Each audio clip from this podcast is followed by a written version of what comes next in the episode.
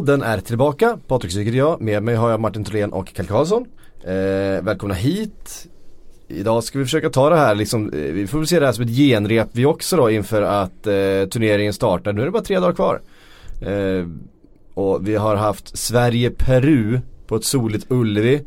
Som eh, kanske inte var någon solskenshistoria rent spelmässigt. Men det blev en ny nolla bakåt i alla fall och det, det tar vi väl med oss. Ja, en av få grejer va?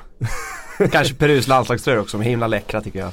Det är ett jävla tjat om Perus landslag. Det har det varit hela mitt, hela mitt liv har det varit tjat om Perus landslagströja. Jag, saknar, jag saknar redan Sveriges Jag, jag har inte hört det tjatet. Jag har bara sett någon åsikt om det fladdra förbi i flödet. Ja, men, men har det varit tjat där, om det? Där, det här eh, bandet tvärs ja. över. Det har ju alltid varit en, en sån klassiker att eh, Peru har den coolaste landslagströjan. Men eh, visst, det, det behöver inte betyda att det inte är sant. Det är 2012 Sverige, den var snygg också. Borta tröjan när vi körde Ja, Snedd med. Mm, och det är ju alltid sådär, då är det ju Peru-inspirerat när man kör så. Eller River Plate, kanske. Ja, kanske. Um, match som sagt, uh, vissa frågetecken skulle rätas ut var förhoppningen. Uh, ja, vilka hade... frågetecken tänker du på då? Målskyttet, vem ska okay. göra målen för Sverige? Ja för det finns, inga, men... det finns inga frågetecken kring startelvan egentligen. Ja, det, är, nej, det är kanske vänsterbacken fortfarande då men ja. jag tror inte att det finns så många frågetecken där heller längre.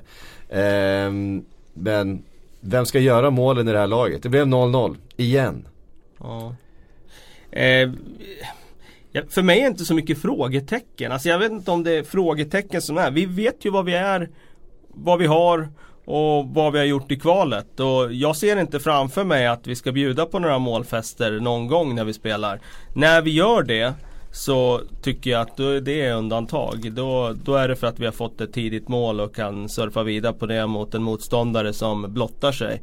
Vi har ju inte kvaliteterna för att bjuda på någon slags eh, skön fotboll. Så att eh, jag är lite förvånad faktiskt. Samtidigt är jag inte det för det är klart att många vill se eh, bra besked inför VM och liksom ett lag som spelar bra. Men lite förvånad ändå att folk inte tar in hur det här laget har spelat genom kvalet. Vad det är för sorts liksom, metodik Janne Andersson och Wettergren har satt. Det är liksom ett reaktivt lag som egentligen bara handlar om att eh, riskminimera, riskminimera och eh, hoppas att man får en öppning framåt. Och kommer inte de där öppningarna framåt, ja då, då blir det svårt för Sverige att skapa. För då eh, har vi inte riktigt kvaliteterna för att göra det.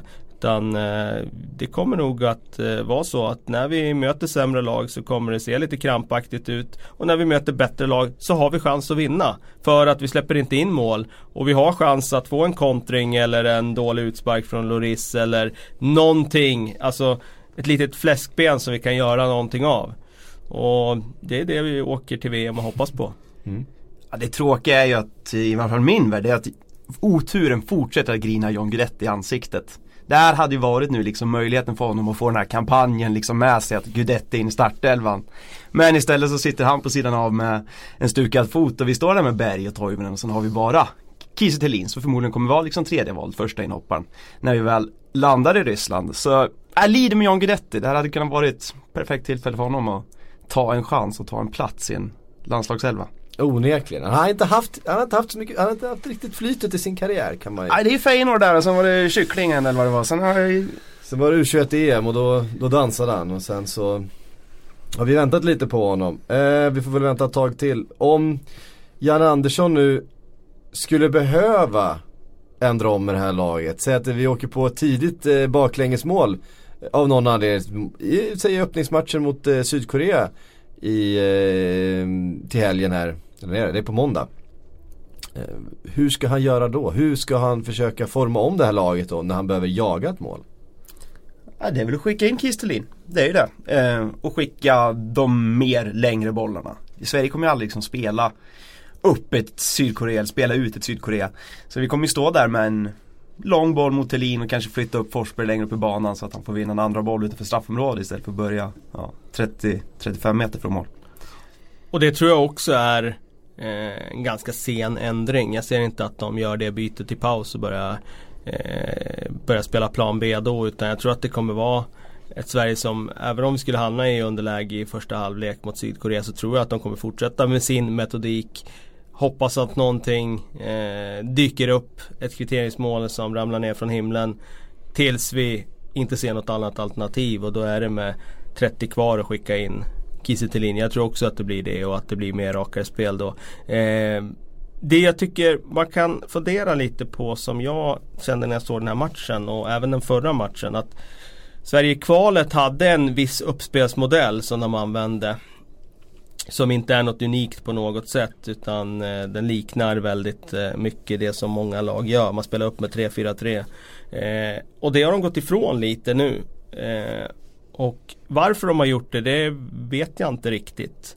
Men eh, det var inte riktigt samma positioner i uppspelen i den här matchen som det var i kvalet. Och eh, jag tycker inte att det ser ut som att de har några idéer att hitta fram med. Eh, det hade de ändå i kvalet. Det var enkelt, det var ändå tydligt och det var eh, vägvinnande får man säga. Det tycker jag inte att de har längre. Och eh, varför de har ändrat det vet jag inte. Kanske fanns det för, för mycket att eh, riskera med eh, det ändå? Ja, det var ju så vi spelade mot Frankrike den hemmamatchen där på Friends som vi vann. Och jag har svårt att se att de gick in i den matchen med att de ville riskera en massa. Så att eh, jag ser det inte som att vi riskerade mer med det sättet att spela. Men eh, jag tycker det är uppenbart nu att när bollen är hos mittbackarna så jag tycker inte det finns några klara tydliga idéer på hur vi ska ta oss framåt utan ja, det är lite mer man lämnar det åt spelaren själv att, att lösa det och chippa in bollen på bröstet på Toivonen och sen ska vi spela därifrån och ja, när det funkar så funkar det men jag tycker inte att det har funkat så bra mot varken Danmark eller Peru. Nej. Nej. Vi har väl kanske för höga förhoppningar också. Jag vet inte vad vi liksom siktar och strävar mot. Att vi ska vara något Brasilien som spelar ut landslag efter landslag. Så är det inte. Vi, det är det här vi har att jobba med. Och där vi har haft hela kvalet och playoffet också. Så det, det är inget nytt egentligen. Vi, man vill väl hitta vinklarna inför VM. Måla upp ett stort problem. Men sen är det också sådär, jag tror att eh, där, där får man vara väldigt tydlig med att som fotbollsland så kan vi inte få båda av de bästa världarna. Antingen får vi ju ha den här Erik Hamrén drömmen, visionen av att vi ska ta medalj i mästerskap och liksom för, genom att spela ut de stora nationerna. Ja då kan vi åka på storsmällar som vi gjorde då och vi kan se väldigt naiva ut och det kan bara fallera som det gör hemma mot Österrike. Eh, och då kan vi spela jättebra också emellanåt.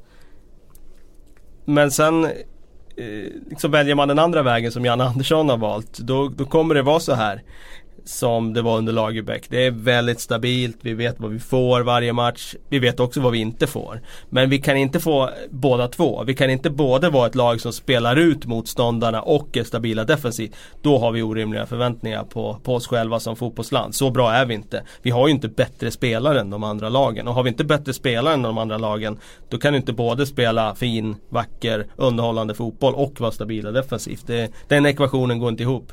Nej. Jag önskar att den gick ihop men då skulle ju alla använda den ekvationen. Ja, jag undrar varför vi har blivit så eh, liksom stissiga helt plötsligt. Så det här har vi älskat hela kvalet. Vi älskade när Island spelade EM och sen helt plötsligt går det två matcher. Nu. Ja, jag älskar det fortfarande. Ja, jag, jag, åker, ja, men jag åker gärna till VM med det här. Eh, med förhoppningen om att vi faktiskt kan slå de bästa lagen. För det kan vi göra. Vi kan ju hålla nollan mot de bästa lagen och då kan man få en ströchans om man kan eh, avgöra 1-0 mot Tyskland i 89 minuten. Och vi är starka på fast situationer. Vi är starka på fasta. Det, jag tycker att vi, vi spelar på, på rätt sätt. Och det, var därför, det är därför vi är i VM. Ja. Tony Pulis hade inte haft så mycket att tillägga. det är enklaste han saknar. Exakt. Um, men givet de förutsättningarna, var det här ett bra genrep? Ja men det var det väl. Dels för att de fick möta ett lag som påminner om Sydkorea som de tycker det själva. Det låter ju välplanerat och bra genomtänkt. Eh, så det var det väl liksom. Och sen att det blir 0-0 i din träningslandskamp. Jag hade inte förväntat mig någonting annat egentligen. Jag hade inte förväntat mig 3-0 heller. Så, ja, ett okej okay genrep. Mm. Finns väl att gnugga på. Och det finns inga frågetecken kvar att eh, älta kring startelva? Nej. Mm. Nej, det tycker jag inte att det finns med tanke på att eh, Ja, den där vänsterbacken, där kan man alltid diskutera. Det tror jag man kan diskutera i all evighet. Jag tror kanske vi får alltså, se olika eh, beroende på vilket motstånd det är också. Skulle kunna vara. Mm. Och sen har ju jag en förkärlek till Jimmy Durmas just i den här miljön. För jag tycker att han har en kreativitet som gör att han kan få saker att hända. Mm. Och jag saknar lite den. Och sen har jag också flashbacks till den där matchen mot Frankrike när han faktiskt gör ett väldigt fint mål. Inte bara för det utan mer för att han är en spelare som är lite irrationell. Och det saknar ju det här laget. Det här är inget irrationellt lag. Nej, verkligen inte. Och Men, men, men man ska också betona då att Jimmy Durmaz är ju bra defensivt också när han Ja. spelar i landslaget. Det är ju inte så att han, ja men där blir vi svaga på den kanten för att ta inte jobbet defensivt. Han gör ju det också. Så att jag tycker att han funkar i det här systemet. Jag tycker att han har en eh, Jag menar bara den där chippen han gör mot Danmark ute på kanten där. Det är ju bara det ögonblicksverket behöver vi ju i det här laget. Eh, så det är väl han jag tycker man kan argumentera för. Sen förstår jag också att Forsberg går inte att flytta på såklart och Klasen är i jättebra form. Mm säger jag någonting om hans cykelspark också. Den, den var väldigt lik eh, Zlatans mot Italien, kommer ni ihåg den? Eh, från EM för sex år sedan va? Ja, ja inte mot Italien va? Mot Frankrike va? Ja mot Frankrike var det, Ja. ja. förlåt. Eh, den var väldigt, och jag tänkte på Det det, där estetiskt vacker. Ja, det var riktigt fin. Riktigt Ja. fin. Man var osvenskt. man, man, man såg ju inte den komma riktigt från Viktor Claesson heller. Jag tänkte på det alltså, fatta vad små marginaler det är för en sån som Viktor Claesson. Jag tror, utan att veta, men han måste ju vara den mest anonyma spelaren vi har åkt till, som är startspelare i ett landslag som vi har åkt till med, i något mästerskap den senaste, under 2000-talet i alla fall. Och även 90-talet ska jag säga. Eh, och där är det så här, går den i mål då har ju han gjort sig ett namn i, i det här landet. För den där, då skulle den vevas om och om och om igen. Och, och det skulle ge honom ett mandat att göra lite fler grejer i Exakt. själva mästerskapet. Exakt, så är det ju. Och så att det var ju väldigt synd att den inte gick in. Mm. Men eh, jag upplever ändå att eh, Ja, det är, jag tror det är ganska få av Sveriges befolkning som känner- igen honom på stan om man gick eh, på stan. Ja, men det var intressant. Breddpubliken. Eh, det dök upp en lista här bland eh, spelare att hålla extra koll på. De som får sitt genombrott under VM. Eh, jag tror att det var Telegraph som hade satt ihop den och eh, de hade med Viktor Claesson. Okej. Jag har sett den i flera också, det var ju Marca också. De är, han är större utomlands än han är i Sverige. Ja, Ja men, ja, men alltså, de vet att Sverige kommer eh, göra någon slags resultat. De kommer inte vara dåliga. Eh, de måste hitta någon där det är ändå ett, ett landslag som många känner igen. Emil Forsberg vet folk vilka det är. Det finns liksom ingen annan med någon slags, man kan inte välja Toivonen och Berg. Det, Nej, det är det för tråkigt. de De, är är för gamla och de är för Så är det. Ehm, ja då blir det ju en kvar liksom. Ja men han har ändå gjort en del och så tittar man på hans statistik från ryska ligan. Jo men han var liksom Ja. Krasnodars bästa spelare där och det finns någonting i honom. Han har fart och fläkt liksom när han eh, kommer rätt vänd och så vidare. Man får och, säga det är ju välscoutat av eh, de utländska medierna här. mm, Eller hur? Ja, det- är ju ja, verkligen. en Bra shout ja, här. absolut. Vi eh, ska ta en liten titt på några andra resultat som eh, eh, eller några andra matcher som spelades under helgen. Bland annat Sveriges VM-motstånd Mexiko fick stryk med 2-0 mot Danmark. Danmark som vi nollade Ja, för bara ett par veckor sedan här. Det är lite intressant. Christian Eriksen förstås, maestro i den matchen, 1 plus 1. Eh, ah, viktig han är för Danmark alltså. Det, det går ju inte att, eh, vad säger man, överskatta hans betydelse för det där laget. Men, eh, men ett intressant resultat. Mexiko kommer förstås valt Danmark för att det ska påminna om Sverige kan man tänka sig som, som genrep då. va. Åka på 2-0. Jag vill ändå, jag vill ändå att, dra någon slags växel på det. Ja, men ändå hur det står till i det där mexikanska landslaget egentligen med allt som har rapporterats. Det är avgångskrav på förbundskapten och det är fester mitt i landslagslägret. Det är inte någon uten vanlig middag, det verkar ha varit en riktig fest. Eh, så ah, det känns väl inte helt hundra det här landslaget. Det är väl bra för Sverige. Mm. Eh, och Tyskland visar inte heller stor form så det är väl bra för Nej, Sverige. det gör de inte heller. Det är ju bara Sydkorea som kan stjälpa oss då. Det är ju första matchen som är den ovissa också. Så det, det är jobbigt ändå. Men eh, Mexiko känns inte alls liksom i balans inför det här mästerskapet i alla fall. Nej. Tycker inte jag. Precis nu om ett par timmar så ska ehm, Sydkorea spela sitt genrep mot Senegal. Det Bakom stängda dörrar, eller? par- Nej då. Det är då. Absolut. Jag vet inte vem som visar den men det får vi försöka nosa fram här på redaktionen eh, och titta på för det, det är ju två spännande lag eh, på många sätt.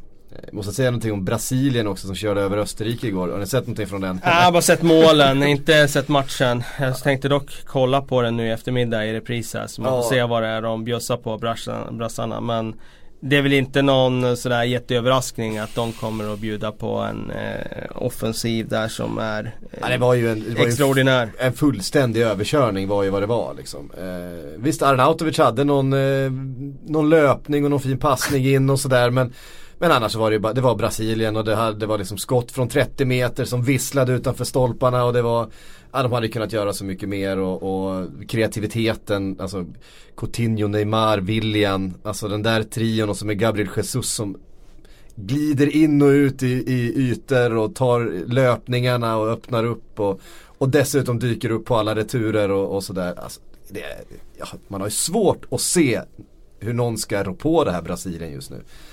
Det är bara att titta på, på om man tittar på startelvan som de spelade igår så kan man väl utgå ifrån att det är den de kommer starta med. Eh, Alisson i mål då förstås och sen är det ju faktiskt Miranda och Thiago Silva eh, som eh, mittbackar. Eh, med eh, Danilo och eh, Marcelo utanför. Eh, och ett mittfält då med Casemiro, eh, Felipe Coutinho, William eh, och Paulinho och så eh, Neymar då på någon fri roll och eh, som utgår från vänster ändå. Coutinho utgår från höger. Eh, ja, han är väl mer central kanske. William lite mer utgår från höger. Och så Gabriel Jesus där fram. Och då kommer vi ihåg att de har ju liksom Fernandinho, eh, Firmino och så vidare på bänken som då också kommer in och, och, är väldigt, väldigt bra när de, när de hoppar in i den här matchen. Och det kunde ju blivit 6-0 här, så är det. De har ju alternativ till skillnad från den svenska bänken. Vi sitter och pratar om Thelin och grabbarna så är det Firmino som kan komma in och ändra matchbild här liksom. Det, de ja. blir giftiga. Det är så fantastiskt också med Neymar som då kommit och har en, liksom en skada med sig in här och inte 100% fit. Men de här, alltså så taggad som han är. Och, och det är målet han gör. Och målet han gör. Men målet han gör i, i förra matchen också när han kommer tillbaka och Alltså det, det, går inte att få fatt på honom i, eh, i de där. Och sen han har så mycket bra fötter runt omkring sig som, som kan leverera eh, och vinna boll. Och alltså det, det känns ju som ett mer komplett Brasilien än vad, vad jag har sett på Alltså på många Sen 82? År.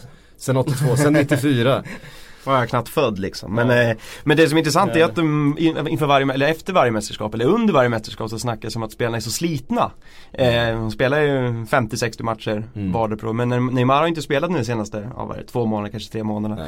Eh, vi får se hur det kommer gynna honom eller inte men det finns ju någonting där som är lite kittlande det kanske gör det. Ja, jag tror att det gör det alltså. Jag tror att kommer man bara tillbaka till eh, att få varva upp nu här träningsmässigt så tror jag det kommer gynna honom att han inte har liksom spela till bristningsgränsen här i slutet av säsongen. Eh, och då tror jag han kommer känna sig väldigt fräsch och kunna leverera på, man, på den högsta nivån. Och så ska man komma ihåg att det han har spelat i PSG som eh, har kunnat ta det rätt lugnt i vissa matcher i franska ligan. Eh, inte gått hela vägen i Champions League. Och så vidare. Som sagt så har han ju själv fått vila och syssla med rehab nu de sista månaderna. Så att, han har ju haft fullt fokus på det här mästerskapet. Revanschen ju från för fyra år sedan. Precis. Eh, Neymars sommar. Det är vad jag tror att det kommer bli. Det är så det avsnittet kommer heta. Och det är väl, ehm, det är väl också en, en ytterligare en sån där indikation på att vi måste vinna den här gruppen om vi ska, om vi ska vidare. För annars ja. har vi ju Brasilien i åttondelen. Ja. Så lika bra vi tar gruppen. Och jag, jag får, vi kan inte nöja oss med andra platsen. Vi, andra platsen då, det blir ju för sig kul att få möta det här Brasilien ah, i en åttondel. Jag kan ju vi tycka kan att det hellre en... möta dem i finalen. eh, Frågan är och vilka de då kommer få möta i finalen. Spanien som är någon slags andra favorit eh, enligt väldigt många i alla fall mötte Tunisien i helgen och blev pressade. Tunisien skapade en hel del och det var framförallt eh, den där högerbackspositionen i Spanien som är, är lite problematisk nu då. Um, Nacho började på bänken och jag har glömt bort vad han heter, någonting på O. Odriazola. Odriazola, Alar Odriazola. Ehm, startade där och Tunisien eh, överbelastade på honom och skapade ganska mycket faktiskt på den kanten. Och det såg inte alls speciellt eh, tryggt ut för det här Spanien som ju eh, vi tror så mycket om. Eh, till slut så var det Diego Costa som grävde verkligen fram en, en, mål, en mål med sin märkliga funktionella teknik. Eh, dribblade ett halvt eh, försvar och spelade fram Iago Aspas som, som dundrade in den. Det är ett grisigt anfall de har ändå med Diego Costa och eh, Iago Aspas. Det, det, det är ju två svin. Liksom. Det finns Ramos tillbaka också. Och så Ramos i backlinjen. Det är ju det inget snällt Spanien ändå. Eh, om man tittar Nej, på, de- mittfältet är ju väldigt snällt. När de men- fick in eh, Diego Costa bland alla tillrättalagda skolpojkar där då i förra VM Mm. Då kändes det ju som att eh, deras grisfaktor ökade med ganska många procent Och nu har ju Ramos varvat upp också här så att Mm. eh, de har ju den hårda sidan också Mm, det får man säga. Men Tunisien, kanske ett varningens finger för Ja, dem då. faktiskt. som ju, eh, det är ju spelare man inte vet så mycket om men som ju har gått väldigt bra eh, tillsammans. Så det blev 1-0 då till slut för Spanien men då ska man komma ihåg att eh, Tunisien skapade en hel del och Spanien hade inte alls så mycket eh, målchanser som man hade kunnat förvänta sig. ehm. Man skulle bli glad om du har rätt i dina teorier med Tunisien och att England eller Belgien då, vi kan ju garantera att det är England av de där två lagen som i så fall floppar eller någonting. Det vore ju uppfriskande i England, kanske. EMs mest döda grupp på förhand. Precis, Eh, England-Tunisien i öppningsomgången i den gruppen va? Eh, blir, eh, blir spännande. En målvaktstavla från England, är vad man önskar direkt så i diskussionen och då, äh, Blir, blir, VM inte, räddat. blir, blir det inte alltid det? Första matchen när man har den här målvaktskrisen vore perfekt. Eh, så var det Robert Green som bjöd på en Tvålade en boll mot USA Ja precis Eh, mig. Jag tycker fortfarande att, eh, att Seaman ska ta eh, Ronaldinho Ro- Ro- Ronaldinhos frispark. Det är ju en tavla. Ja. Ja det är klart, det är klart det är det. Eh, det Det går inte att komma ifrån. det går inte att komma ifrån. Då hade England ett väldigt bra lag. De hade Mycket. imponerat stort då i det mästerskapet. 3-0 mot Danmark tror jag i åttondelen och sen tog de ju ledningen mot Brasilien dessutom, Michael Owen där tror jag. Mm. Eh, England som slog Costa Rica. Danny Welbeck gjorde mål igen. Han gör lite mål i, i landslaget ändå. Mer än han har gjort i Arsenal de senaste eh, säsongerna. Då skickar de ändå ut en hel B11 egentligen England och Ja, det var ganska överlägsna. Ja. Som ser ganska, jag gillar faktiskt eh, fembackslinjen eller 3-5-2 hur vi nu ska Mm. eh, skriva upp den. Eh, jag tror faktiskt England har något litet där, mer än vad man har trott de tidigare mästerskapen. De är nedbyggda men de har den här fembackslinjen som ändå sitter och jag tycker det funkar bra. Och det passar liksom Tottenham-modellen och funkar, passar spelarna de har i truppen också. Kan de kasta in Trent där på högen eller vad tror du Syk? Du har ju rätt mycket känslor för den Nej, grabben. jag tror att han eh, Det är lite synd för han, har ju varit i väldigt Ah, bra form. Han är ju en skada ifrån att få starta eh, och det är ju en position där man kanske inte gör sina flesta byten utan han kommer nog få sitta en hel del. Men eh, det är klart Ja men wingback, det kan man ju ta slut. Absolut, och nej, men det hade klart det hade varit kul att se honom. Jag menar med den säsongen och vart han kommer ifrån. 19 år Jag gammal. tror inte han har och, gjort bort sig alltså. Med den formen han Nej, har. det tror inte jag minuter heller. tror jag han kommer få i mästerskapet absolut. Ove Walker används ju också som mittback Ja, av de här tre. Och, så det är bara Trippier egentligen där. Så det, det är Trippier och Trippier går ju före liksom. ja. Eh, sen tror jag att ska man förändra matchbilder så är det ändå inte wingbackarna som man Nej det byter är det ut. inte. Det är det inte. Ehm, Men... Men, men, och Trippier har man ju med för en fin inläggsfot och så vidare. Det är klart att behöver man ett alternativ till Trippier Mm. så är, är ju Trents inläggsfot också väldigt, väldigt bra. Ehm, och mycket teknik och fart och mm, defensiva egenskaper så att eh, nej, han hade inte gjort bort sig. Det tror jag inte. Sen, han, mycket handlar ju om för dem, Harry Kane. Han gör ju mål, han gör ju alltid mål. Eh, om han nu har fått vila lite grann för han känns lite sliten. Eh, I slutet på säsongen kändes han kändes som han spelade med skada lite grann för han jagade det där eh, Salah i, i skytteligan. Eh, med, på alla sätt. Eh, sådär. Så att det känns som han blev lite sliten av de där sista omgångarna. Så hoppas att han är eh, fit till starten här. ja. Annars har de ju Micke Nilsson funktionell Ashley Young också. Han kan ju rycka in lite vart som helst. Eh, och Marcus Rashford gjorde mål. Han, gör också, han gör mål. också mycket mål. Det ska man komma ihåg. Det är en, eh, en bra spelare. Say hello to a new era of mental health care. Cerebral is here to help you achieve your mental wellness goals with professional therapy and medication management support. 100% online. You'll experience the all new Cerebral Way, an innovative approach to mental wellness designed around you.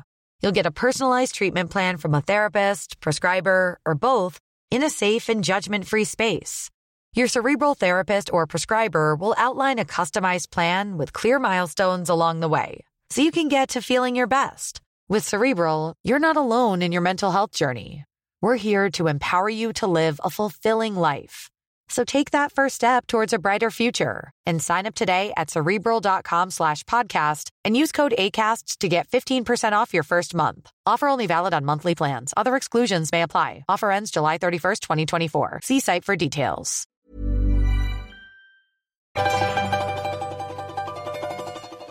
Vi eh, lämnar helgens matcher där och, och så ska vi titta lite på drömelvan eh, som vi har här på Sportbladet och som eh, jag antar att ni båda har ägnat eh, en, en hel del timmar åt att försöka eh, hitta den där formeln, den där magiska formeln mellan storstjärnor och eh, den där skrällen som man kanske behöver om man ska gå riktigt, riktigt långt i, i drömelvan. Tror jag inte man kan Mm. gå på de här procentspelarna. Vi ska faktiskt ta och lyssna lite grann på vad eh, Drömelvan-podden, ja det finns faktiskt en sån. Den startade av eh, några killar som har spelat den här Drömelvan eh, länge. I eh, över tio år har de hållit på att sätta upp sina egna eh, eh, ligor och diskutera fram och tillbaka hur man ska tänka eh, och utmana varandra. Så i år så valde de att starta, eh, att helt enkelt spela in sina diskussioner kring eh, Drömälven och starta en podd. Den heter Drömälven-podden, den ska ni lyssna på. Och det här är Vil Wilhelm eh, och där var vad han hade att säga. Hur har ni tänkt då när ni har tagit ut era lag? Hur har du tänkt? Du som nu eh, kanske är den utav eh, oss som har spelat det här allra mest. Jo, nej men jag tänker mycket så att eh, du vill ha spelare från lag som går långt i turneringen. Det är det allra viktigaste. Och sen så skattar du ju även en viss mängd på dina byten du gör och det är ju just därför du vill ha lagen så långt som möjligt i turneringen utan att byta spelare. Och ska du ha spelare från några lag som ja, som har lite sämre chans att gå långt, då vill du verkligen plocka in poäng, mål och assist på de spelarna. Eh, så det är mycket så jag och Jesper och Andreas som pratar i podden har tänkt. Och I mitt fall så har jag eh, spanjorer, tyskar och, och brassar helt enkelt. Det är tre jättefavoriter för mig att, att gå hela vägen i turneringen. Eh, och då gäller det lite att, att lyckas få in de eh, spelare som startar i de lagen på 50 miljoner. Så att, ja, jättetips är till exempel Danilo som är billig eh, hos brassarna som vi tror kommer starta. Eh, Oliver Giroud hos fransmännen om man tror på Frankrike. Eh, Özil är billig, William är billig och så vidare. Och alla de här sakerna går ju vi igenom när vi pratar om de här lagen i, i, i våran podd. Eh, och jag antar att ni också kommer göra det, prata lite om vilka som man kan få in från de, från de stora lagen. Så att, nej, satsa på de, de lagen ni tror går långt och gör så lite byten som möjligt. Eh, det jag tipsar om. Men ska man inte eh, försöka, någonstans den som kommer vinna alltihop är också den som lyckas pricka en skräll, visst känns det så? Ja, absolut. Ja, men ska man gå eh, mot, mot att vinna totalen på, det, vad har ni, 25 000 lag eller någonting nu va? Ja, vi är en bra bit över 30 nu faktiskt och vi räknar Ja. med att vara en bit över 60 000 lag när VM börjar. Ja, precis. Och då lär man ju också, då är det som du säger, då lär man också kanske ha prickat in eh, någon, någon skräll. Eh, till exempel att eh, om kroaterna skulle gå långt eller eh, något liknande. Eh, så att det, det är det man absolut har gjort om man ska vara med i den abs- absoluta toppen. Mm. Eh, och då måste man ju fråga, hur ser ditt lag ut nu i, i dagsläget? För jag antar att du har ändrat några gånger sedan du gjorde din första elva. Jo, jag har ändrat några gånger och det är fortfarande liksom inte så att man känner att man är helt klar. Det är ju det är skador och det är, det är tvek på vilka som ska starta och så vidare. Men, men jag har valt att eh, gå med David de Gea i, i mål i alla fall. Eh, världens bästa målvakt och jag tror mycket på spanjorerna. Jag tror att de kan gå hela vägen. Sen har vi Danilo i backlinjen. Det är ett 3-4-3 då för övrigt. Eh, mycket offensiva spelare. Men Danilo i backlinjen tillsammans med Jerome Boateng. Och där är vi väl inte helt säkra heller på om han kommer spela. Men han är ganska enkel att ersätta med typ Rydiger eller så om det är han som skulle spela istället. Eh, Carvajal, eh, jättebra pris på, 3 miljoner. Eh, om vi flyttar upp till mittfältet så är det William och han har spelat mycket för brassarna. Samtidigt så får man hålla utkik på om han ska starta eller inte. Det här med att Neymar har varit skadad och så har ju förlängt den där processen lite för brassarna, vilka, vilka de kommer gå på i elvan. Men han har varit en favorit där hos, hos Tite i alla fall, så att jag hoppas att han ska spela och jättebra pris på honom. Och sen Özil, men även Özil vilade ju genrepet så att eh, mm, vi får, där får man också hålla utkik på om han kommer starta. Men förhoppningsvis så han är ju kanske den enda som kan spela i den där rollen bakom forwarden. Så jag tror på att Özil startar. Eh, Iniesta, jättebra pris där. För mig spelar det inte kanske jättestor roll om Iniesta startar eller inte utan att han kommer att göra matcher och förhoppningsvis poäng i Spanien.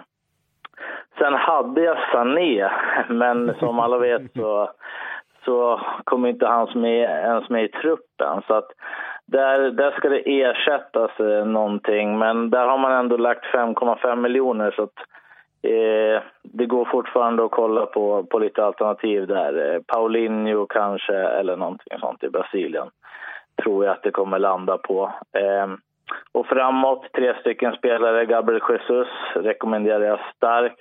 Eh, jag tror att brassarna gör mycket mål. Och han har gjort en hel del i kvalet. Eh, 6,5 miljoner är jättebra för en forward i de stora lagen. Så att Gabriel Jesus har vi där.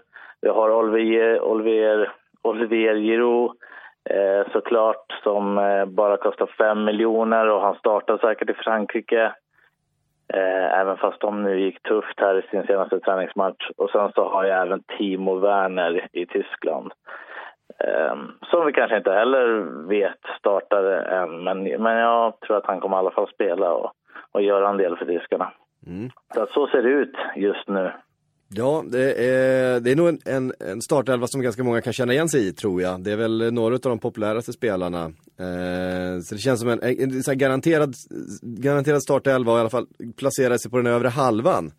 Eh, men om du skulle plocka in, om du skulle plocka in någon på eh, Sanés position där om du skulle hitta mm. någon, något fynd någonstans. Mm. Eh, ja, alltså det har vi pratat en hel del om och om man skulle kolla i de här lagen som ändå skulle kunna gå till typ en semifinalplats men ändå inte är bland huvudfavoriterna. Alltså vi pratar typ Colombia, Uruguay, eh, Kroatien och så vidare. Så finns det en hel del mittfältskort i, i de lagen. Alltså i Colombia skulle man till, exempel kunna plocka Sanchez som det är jättebra pris på, som kommer att starta där. Och Eh, I Uruguay så, så är det likadant där, att det finns flera spelare som går att plocka. Eh, Argentina, som kanske inte är superpopulära heller egentligen, eh, de har ju, deras populäraste spelare är mest och det är 5% som har honom. Så att det är inte så många som tror på Argentina. Där har du ju Ever Banega, Biglia och så vidare som går att plocka in för fina priser. Så att, Eh, ja, det som du säger, ska man gå riktigt, riktigt långt då kanske det är från de där lagen man måste plocka spelare och då, då finns det faktiskt en hel del att hämta för bra, för bra priser. Mm. Ja, men eh, stort lycka till då och eh, kul att ni har startat podden. Eh, kolla in den ni som eh, också brinner för Drömelvan.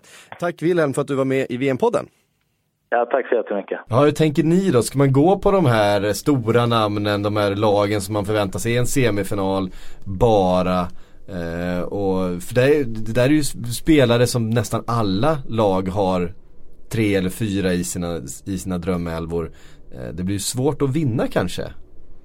Ja, alltså det, det känns som att det bevisat genom alla år. Det man måste hitta är ju den här Mares-killen eh, som fanns Premier League för ja, två år sedan när de vann ligan. Eh, det är en sån spelare som sitta på honom tidigt. Mm. Där är hemligheten. Hitta honom, mission impossible men ja, Ja men det är det jag tänkte vi skulle, vi skulle ägna några minuter Oj. nu och, och så ska vi hitta Identifiera den spelaren vi ska, Ja oh. men vi ska identifiera ett par spelare som eh, Dels kanske ska man hitta det där laget Det där som eh, Kroatien från 98 eller ja Kroatien från 98 då som, som oväntat till en semifinal Har vi något lag som oväntat kan gå till en semifinal här? Det skulle kanske kunna vara Kroatien igen då Ja, eh, jag tror inte det men eh, Just när det gäller Kroatien Ser vi det, några andra lag som har Jag har tror att Colombia eller Senegal kommer bli den stora skrällen och ja, vara långt mm. fram. De har en gynnsam grupp och jag tror inte på Polen och jag tror ännu mindre på att de tappade nu Glick mm. eh, inför VM. Eh, jätteviktigt för dem.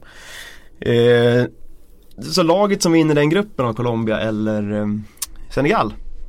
Där ska vi hitta någon. Där ska vi hitta någon. Ja, Senegal har jag lanserat i ett tidigt skede som min eh, skrällnation. Och dels av den anledning som du säger eh, Martin med att de har en gynnsam grupp. De har chansen att ta första platsen men också för att de har ett eh, väldigt, väldigt stjärnspäckat lag med flera spelare som spelar på den högsta nivån i Europa. Och eh, där finns det ju någonting om man kan identifiera någon spelare där eh, som startar och får vara med på den resan som kanske inte kostar så mycket. Mm. Då är det intressant. Eller pricka in just den där spelaren som kommer att peta in bollarna i Senegal eller Colombia. Mm. Um, Sadio Mané är ju offensivt väldigt viktig för dem. En spelare som man kanske skulle kunna tänka sig är Keita Balde som uh, är offensivt duktig. Men nöter en del bänk. Men, men, han har ju nött jag rätt mycket bänk i, i, landslaget så det är inte alls säkert att han startar. Han satt på bänken nu igen i, i deras eh, genrep. Vi får se.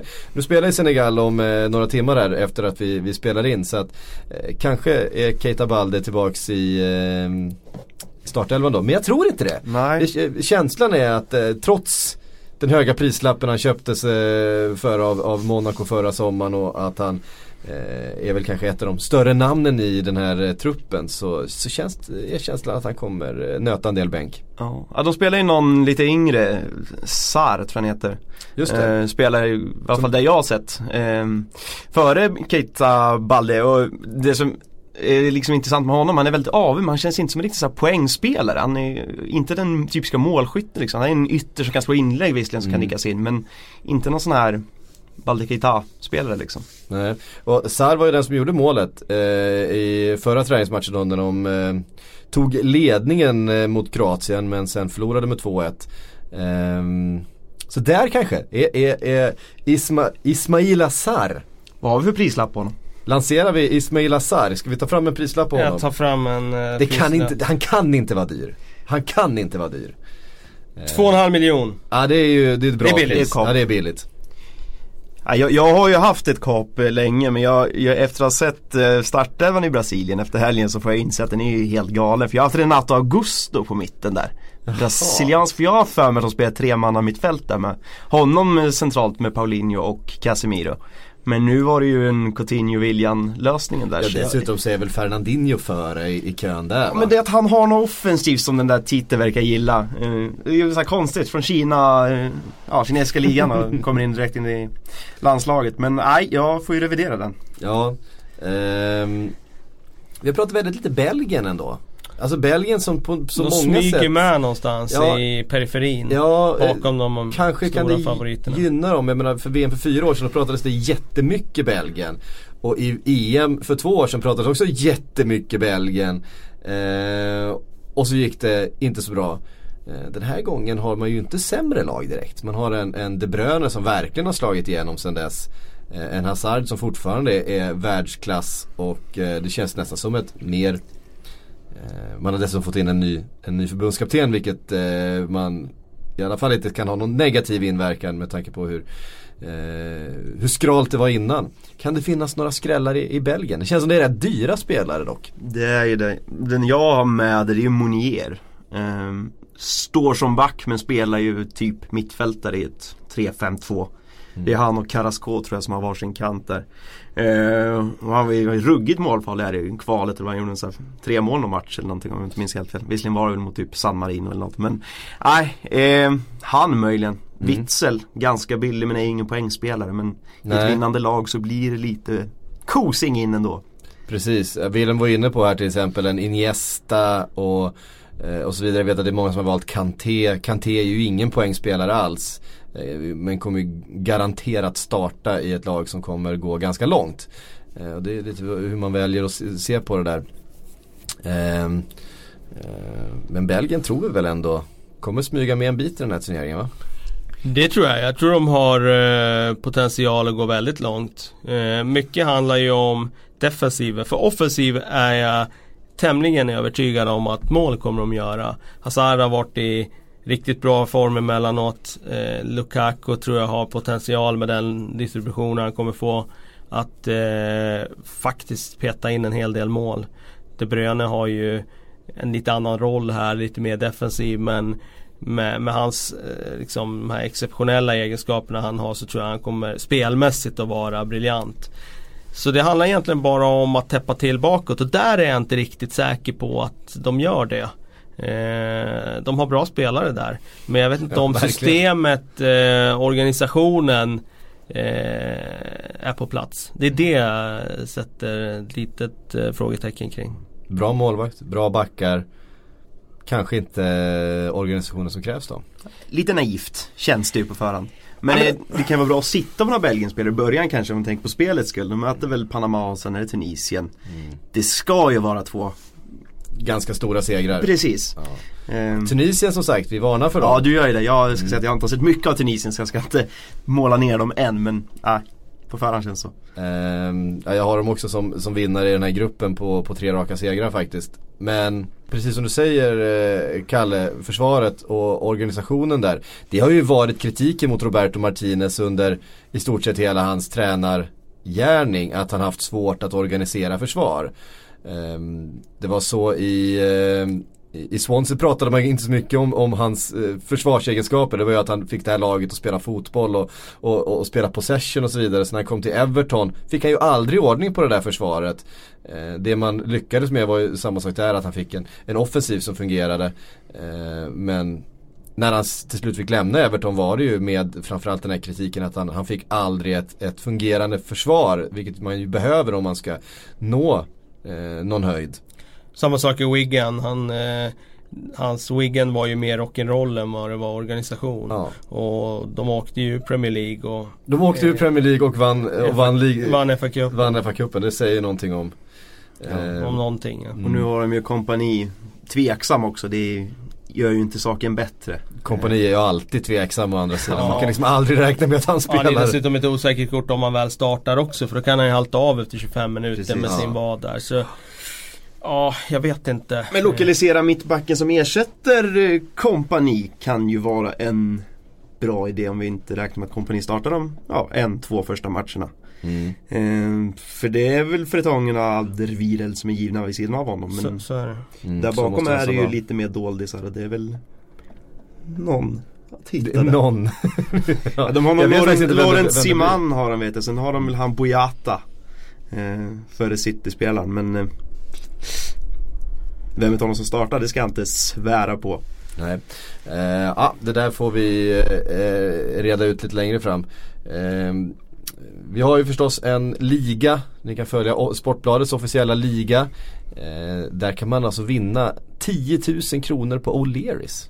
Bara en sån sak. Eh, Ett presentkort på O'Learys värt 10 000. Eh, Då kan man gå på mycket fotbollsmatcher och eh, käka flötig mat eh, under hela nästa säsong tror jag. Eh, eller så är det någon som bara tar med alla de känner och så, så tar man en hel kväll. Eh, det får man göra som man vill.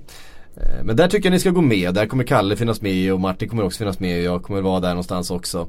Eh, och utmana. Sen kan man ju göra sina egna ligor och, och det är ju det som är nästan det roligaste. Det är ju som sagt ganska många lag med. Jag tror att eh, vi är redan nu en bra bit över 30 000 och vet vi att de flesta registrerar sina lag nu sista dagarna. Eh, så att in, gör era ligor, utmana varandra, nosa upp Kalle och Martin här och sen så slår ni dem på fingrarna. Det eh, blir nog inte så svårt. Men eh, ett tips skickar jag till alla här då som kanske gör det här för första gången eftersom det verkar vara extra populärt inför VM. Det är ju att göra den där Ta ut laget nu absolut men gör den där sista checken sen inför premiären. Kolla av skadeläget så man inte har en elva där det är någon som är skadad för det är onödigt. Det blir dessutom minuspoäng om spelaren inte är på plan så att eh, det kostar ju väldigt mycket att inte göra den där checken. Kolla eh, troliga startelvor så att man inte har spelare som inte startar. Sen gäller det att vara aktiv. Eh, Wilhelm var inne på här att man inte ska eh, försöka, man ska försöka undvika att byta så mycket som eh, möjligt då. Så, eh, för att det, det kostar ju varje byte då, eh, lite pengar. Samtidigt måste man ju göra byten om man ser eh, vart vinden blåser. Precis. Eh, och då Så har man, man har inte där. jättemånga timmar på sig att byta mellan varje omgång här eh, när det är VM, det är så tätt spelschema jämfört med eh, när man spelar Premier League om man är van att göra det. Eller Champions League och sådär, då kan man ha många dagar på sig. Här är det väl bara kanske typ 12 timmar man har på sig. Och, Så och, går man in för det här då tar man ledigt från jobbet den dagen det är bytesdag och sen eh, grottar man ner ordentligt. Det räknar jag med att alla gör. Eh, det, det, det, ja, då kommer jag in på något roligt faktiskt. Eh, apropå att ta ledigt på jobbet så när jag läste nationalekonomi en gång i tiden, det är länge sedan. Men då hade vi en lärare där som berättade om ett väldigt intressant fenomen nationalekonomiskt i Sverige. Under VM 2002 så spelades ju matcherna borta i Fjärran Öst och eh, det var ju matcher på förmiddagar och mitt på dagen. Mm. Och det gick alltså sjukskrivningstalen eh, i Sverige bland män gick upp alltså med flera hundra procent under den månaden. Men bland kvinnor 0 procent. Eh, så just det där med att ta ledigt i samband med VM verkar vara en, ett manligt fenomen. Mm. Ja, det är risk på måndag redan, klockan två är det avspark. Jag vet inte riktigt hur jag ska lösa det själv än. Hoppas inte chefen lyssnar på våran podd. nu jobbar ju du visserligen med att bevaka sport så att du, du, eh, du, kom, du, du kommer nog kunna se den där matchen på jobbet tror jag. jag hoppas det. eh, kan, kan vara många som tar halvdag på måndag. Eller vad tror ni? Jag tror det. Eh, vi, eh, vi är tillbaka i alla fall. Eh, det blir Sillypodd om ett par dagar och sen så fortsätter VM-podden rulla på. Tack Kalle, tack Martin för att ni kom hit idag. Tack för att ni har lyssnat. Eh, på återhörande.